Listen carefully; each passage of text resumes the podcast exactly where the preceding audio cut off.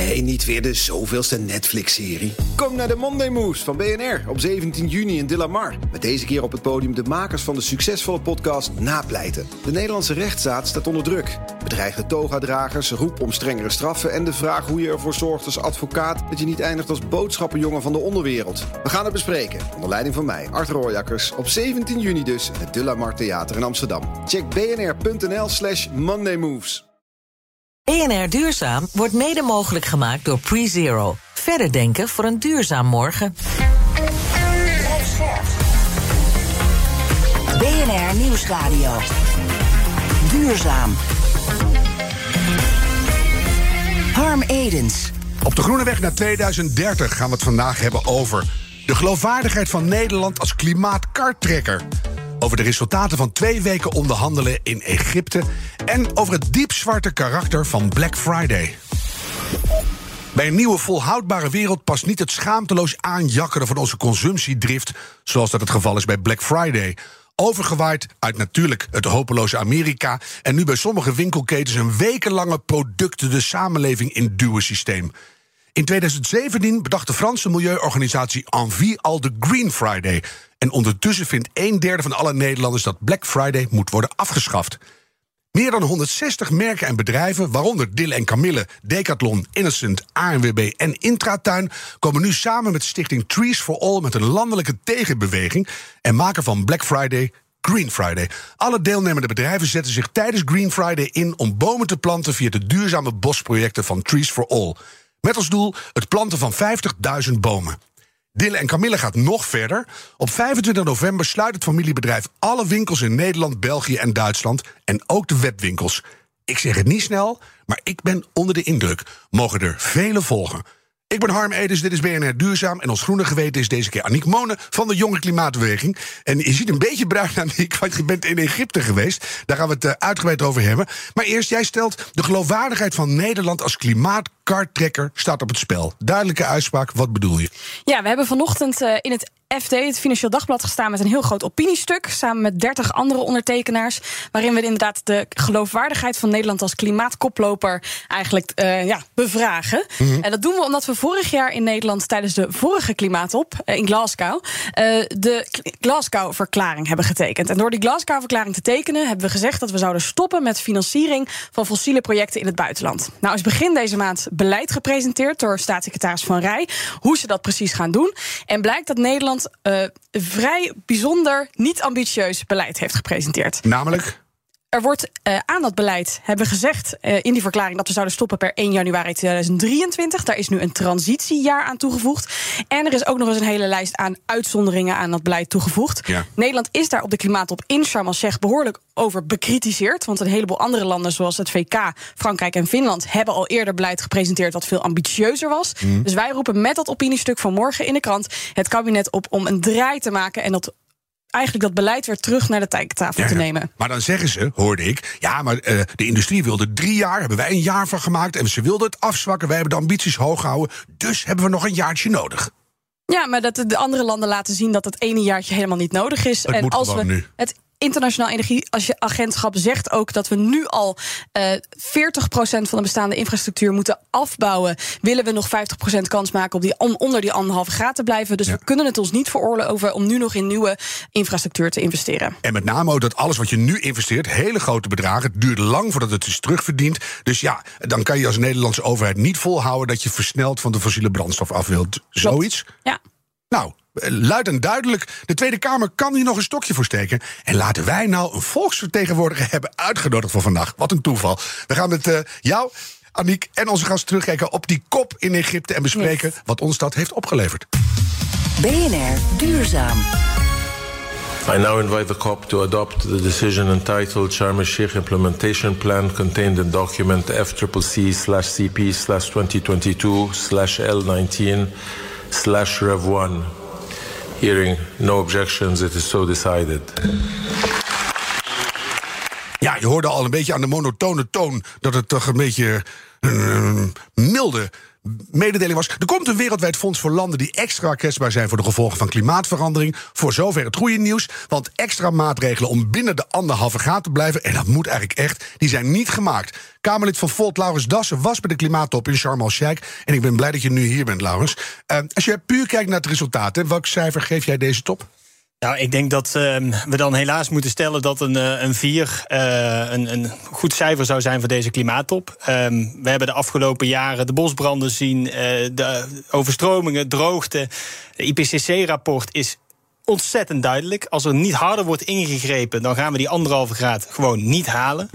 Um, en als je dan kijkt, nou ja, met al die alarmbellen die eraf gaan en de urgentie en de ambitie die er dan noodzakelijk is, en je krijgt een resultaat van een uh, twee weken onderhandelen waarin eigenlijk geen additionele afspraken worden gemaakt om binnen die anderhalve graad te blijven. Ja, dan kun je wel zeggen dat de klimaattop in mijn optiek uh, gefaald heeft. Ja. En nee, even, nog een vier, omdat... Was om, omdat het nog positief is dat er in ieder geval wel gesproken is over ja. een klimaatfonds. Maar dan zit je lichtpunten dat... te zoeken. Hè? Want de opening was van we rijden met het voet op het gaspedaal richting de afgrond. En dan krijgen we dit. Nou ja, precies. Hè. Uh, Guterres, de VN-secretaris-generaal, die zegt van ja, we zitten op een snelweg naar de klimaathel en we, we, hebben nog steeds onze voet op het gaspedaal. En dat is nog steeds het geval. En ja. nou ja, goed, uh, Nederland houdt natuurlijk de eigen afspraken van Glasgow, komt het ook niet na door te stoppen met uh, die exportkredietverzekeringen, om dus investeringen in fossiele industrie te stoppen. Mm.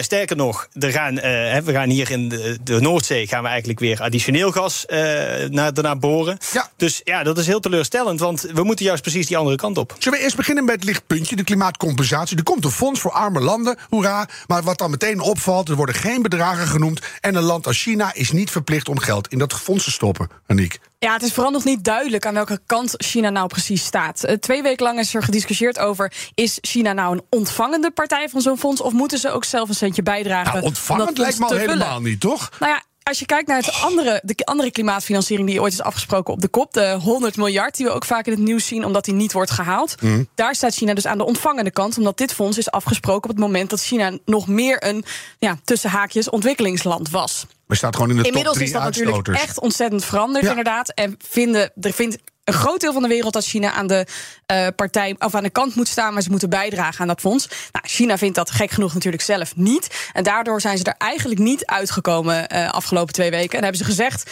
De komende twaalf maanden gaan we onderhandelen hoe we dat precies gaan invullen. Ja, en ik hoorde wel dat de politieke druk nu enorm toeneemt. Met name ook voor, vanuit alle landen waar China de grondstoffen nu plundert, mogen we wel zeggen. Dat als ze een, een rapportcijfer niet opvijzelen, dan wordt dat niet, niet best in geopolitieke verhoudingen. Zie ik dat goed, Laurens? Nou, China heeft samen met de G77, hè, dus de meest kwetsbare landen, eigenlijk dit standpunt ingenomen. Dus dat heeft China heel hard gespeeld. Uh, zij zeggen van ja, we houden de cijfers uit 1992 aan. Hè. Mm-hmm. Toen was. Uh, China inderdaad nog een land in ontwikkeling. Ja. Maar dat is lang niet meer het geval. Het, het is nu de grootste uitstoter ter wereld.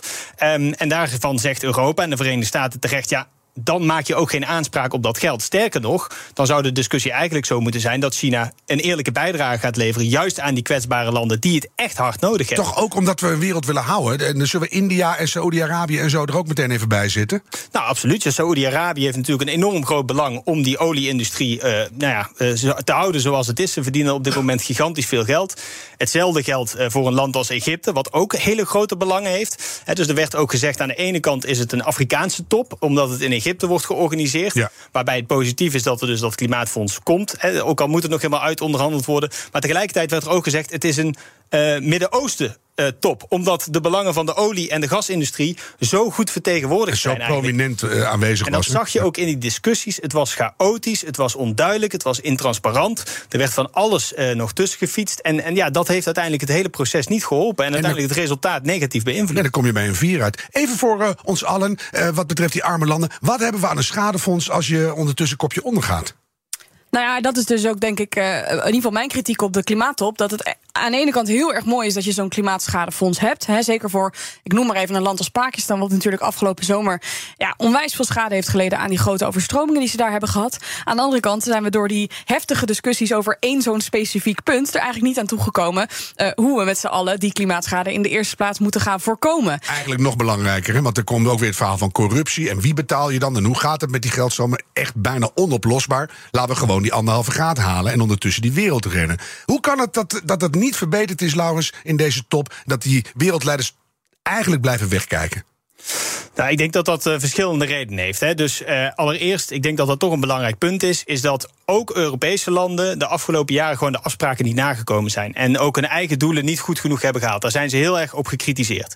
Nou, dan zitten we nu natuurlijk wereldwijd in de situatie met de energiecrisis, uh, inflatie. Ehm, dat zijn allemaal zaken die meespelen. En ook daarin wordt met het vingertje naar Europa gewezen. Van luister, aan het begin van het jaar zeiden jullie tegen Afrikaanse landen dat gas geen transitiemiddel mag zijn. Mm -hmm. Maar na de inval van Rusland in Oekraïne stonden jullie daar in één keer van: mogen wij jullie alsjeblieft uh, mogen wij jullie gas hebben. Doe even mee met de transitie. Dus dat soort ja. zaken werkt natuurlijk niet. Ja. Um, dus dat verslechtert de onderhandelingspositie. Wat ik wel positief vind aan dat klimaatfonds, ondanks dat je er natuurlijk helemaal niks aan gaat hebben op het moment dat we naar die 2,8 graden gaan, want ja, dan gaan heel veel landen met zulke gigantische gevolgen te maken hebben dat dat weinig zin heeft, is het wel een brug die wordt geslagen richting die Afrikaanse landen van wij horen na 30 jaar eindelijk wat jullie zeggen, mm. wij zijn bereid daarmee aan de slag te gaan, maar zorg dan ook dat we samen die transitie kunnen gaan Dus maken. los van het geld en wie het nou betaalt en wat we eraan hebben, het feit dat we nu ineens met elkaar proberen een oplossing te formuleren, is, is de winst dat zie ik dan als een. Uh, ik ben wel op zoek naar uh, het positieve erin. Dat zie ik dan als winst. Maar dat er verder geen additionele afspraken zijn gemaakt over het terugbrengen van de CO2-uitstoot, over ontbossing, ja. waar het amper over meegaan is, uh, de methaanuitstoot die verder beperkt moet komen. We zijn allemaal eigenlijk. Nou, heeft, heeft Biden Glasgow, genoemd, hè? We're gonna fight methane. Ja, ja, maar we zijn niet verder gekomen dan waar we in Glasgow al waren. Hmm. En dus je kunt stellen, wat ook werd gezegd, er is gewoon een jaar verloren voor het klimaat. En als je op de snelweg naar de klimaathel zit, is dat toch ja, het is een heel duur jaar. Hè? Was dat ook de reden, Aniek, dat jij uh, ons appte? Jij schreef uh, op LinkedIn ook van uh, de kop gaat de wereld niet redden.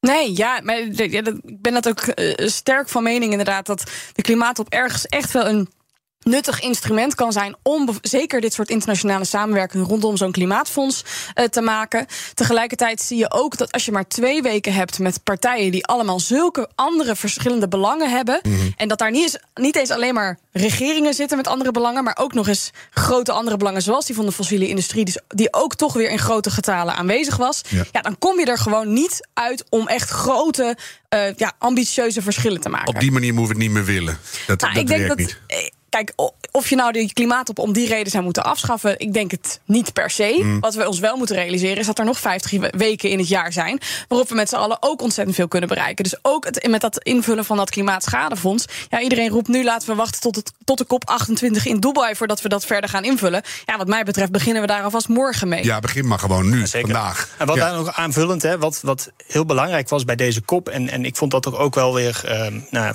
schrijnend van in het begin was de discussie of die anderhalve graad überhaupt wel vastgehouden moest worden. En door de G20, hè, dus de grootste economieën van de wereld die bij elkaar kwamen in Indonesië, eh, met China en de Verenigde Staten, die gelukkig met elkaar in gesprek kwamen. Ja kwam dat er uiteindelijk toch in. En daarin zag je toch ook dat deze kop heel erg keek naar die grote economieën. Wat gebeurt daar? Wat doen zij? En zij hadden in de slotverklaring, ja, de kop moet ambitieuzer. Nou ja, we gaan nu een jaar uh, verder richting uh, de volgende kop. Die zal zijn in Dubai. Um, een land waarvan ik nu als signaal op de COP27 te horen heb gekregen dat hij ervoor wil zorgen dat gas eigenlijk echt als een transitiemiddel wordt gezien.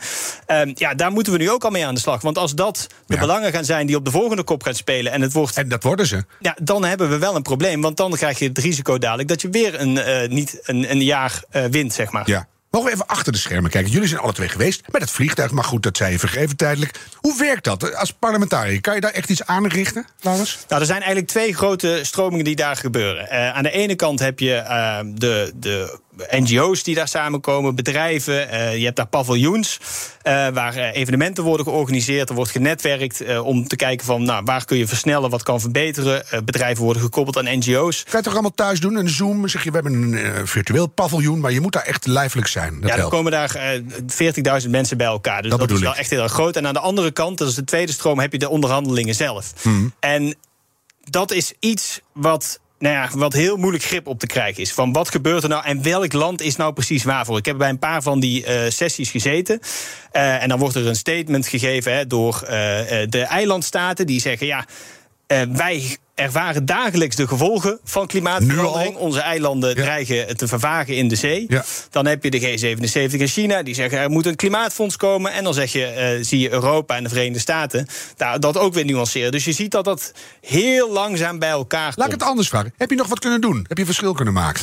Nou, kijk, wat denk ik ook belangrijk is... we hebben met heel veel verschillende parlementen... van over de hele, wereld ge- eh, gesproken. Ehm, ook met onze Belgische, Franse en Duitse collega's... waarin we afspraken hebben eh, gemaakt... ook van hoe ga je nou met waterstof om... met de infrastructuur die voor Europa heel belangrijk zijn. Maar we hebben ook gesproken met eh, eilandstaten zoals Tuvalu. En dat is eigenlijk het meest indringende gesprek... wat me ook bij is gebleven. Zij eh, een delegatie van Tuvalu, een klein eilandstaatje in de Pacific. Zij dreigen door de zeespiegelstijging volledig van de aardbodem te verdwijnen. En zij zeiden ook. ehm, Living on Tuvalu is like living on a sinking ship. Ja. Dus hè, alsof je op een eh, zinkend schip leeft. En elk jaar mogen er eh, 75 mensen, vooral jongeren, die mogen van Tuvalu naar Nieuw-Zeeland. En dit jaar waren er 800 aanmeldingen om dus te verhuizen, omdat ze geen, gelo- geen eh, geloof meer hebben in de toekomst. BNR Nieuwsradio. Duurzaam. Harm Edens. De klimaatop in Sharm zit erop. Met een wat mij betreft zeer teleurstellend resultaat. Oké, er komt een rampenfonds, maar nieuwe afspraken over het snel terugdringen van fossiele brandstoffen zijn niet gemaakt. Laurens Dassen van Volt en Aniek Monen van de Jonge Klimaatbeweging die waren erbij. Hoe was het voor jou? eh, betekenisvol iets kunnen doen, Aniek? Ja, ik denk dat we absoluut iets hebben kunnen doen. Ik denk, eh, voor ons is de klimaattop echt een bijzondere kans om aan de ene kant heel veel jongeren van over de hele wereld te ontmoeten. En dus echt ook met elkaar af te stemmen hoe we de, de maanden daarna met elkaar verder die beleidsmakers gaan beïnvloeden. En aan de andere kant. even Ja. Ik zag je dit jaar op Springtij. Hè, de, Ja. Bijna duizend mensen op uh, de Schelling drie dagen lang nadenken over die betere wereld. Ik zag veel wanhoop bij jeugd. Zag je dat hier ook? Ja, absoluut. Eh, De, de, de klimaattop is sowieso een eh, emotionele achtbaan. Eh, maar zeker, kijk, ik ben, ik ben er zelf alleen week één geweest. En ik weet van mensen die er de tweede week waren... toen echt dus meer duidelijk werd hoe eh, ze, nou, de verkeerde kant eigenlijk... die eindresultaten opgingen. Dat daar echt wel veel verdriet en wanhoop bij kwam kijken. Ja, dat, dat zijn gewoon echt geen leuke nieuwtjes om daar te krijgen. Zeker als je zo dicht op de macht staat... Ja. als, als jongere daar en er tegelijkertijd ook geen invloed op hebt... Mhm. komt dat echt heel hard binnen. Ten tweede, wou je zeggen? Nou, en ten tweede eh, is het voor ons ook dus echt een unieke kans om beleidsmakers van over de hele wereld eh, te spreken. Die we, waar we ook? eigenlijk normaal gesproken niet binnenkomen. Ja. Die lopen daar als het ware in het wild rond. En die klap En dat aan. lukt. En, en dat is ook een van de redenen dat we bijvoorbeeld, nou, ik had het er net al eventjes over in mijn nieuwtje. Dus nu bezig zijn met die campagne richting die exportkredietverzekering. Omdat we daar een aantal landen hebben gesproken die Nederland echt hard bekritiseren over het feit dat we zo weinig ambitieus zijn in de uitwerking van die Glasgow-verklaring. Laurens, als we wat dichter bij huis kijken. Hoe vind je dat ons kabinet nu met klimaatverandering aan de slag is? We hoorden al wat geputtel aan het begin van de eh, aflevering van Aniek. Eh, de beloften die worden opgeschoven, dingen worden uitgesteld. Gaat het goed?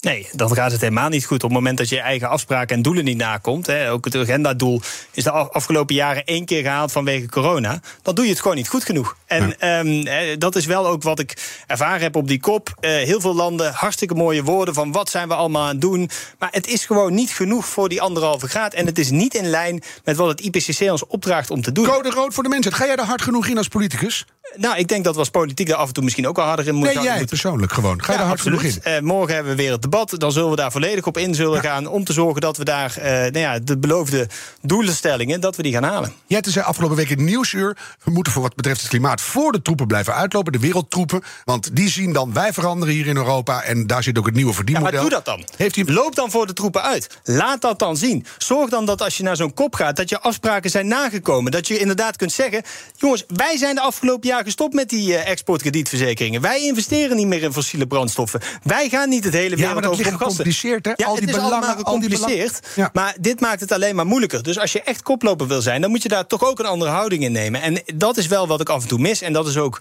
waarvan ik denk, ja. Koploper. Ehm, de Nederland was volgens mij helemaal geen koploper. Want we doen het allemaal een beetje in de middenmoot. Er zijn hele andere landen die koploper zijn. Dus laat dat dan zien. En dan kun je volgend jaar ook met een goed verhaal naar die kop 28. om te zorgen dat je andere landen over de streep trekt. om ook voldoende te doen. En kunnen we jou even charteren nu dat jij een kamerbrede meerderheid gaat opzoeken... om dat gewoon in gang te zetten nu? Wij willen gewoon koploper worden en snel. Nou, dat gaan we regelen.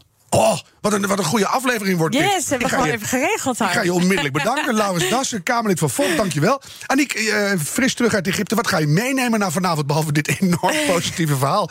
Wat ga je doorvertellen? Eh, wat ga ik doorvertellen? Ja, ik, nou, ik denk het feit dat eh, Nederland gewoon eindelijk een keer koploper gaat worden. Nee, kijk.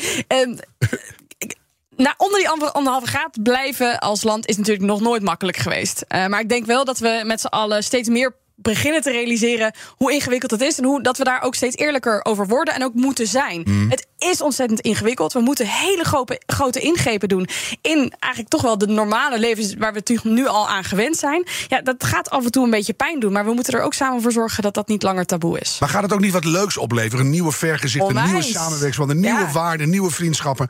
Mooie Ja. dingen. Nou, we zitten hier in Amsterdam. Ik geloof dat de, de luchtkwaliteit is hier zo slecht door al dat autoverkeer dat je, ehm, eh, ja, met, eh, je gewoon levensjaren verliest als je de straat vind ik in dit geval een voordeel, hoor, Dat, maar- dat is de, een van die dingen die we dan tegelijkertijd ook gewoon gaan oppakken. Ja, dus het, het kan uiteindelijk alleen maar beter worden.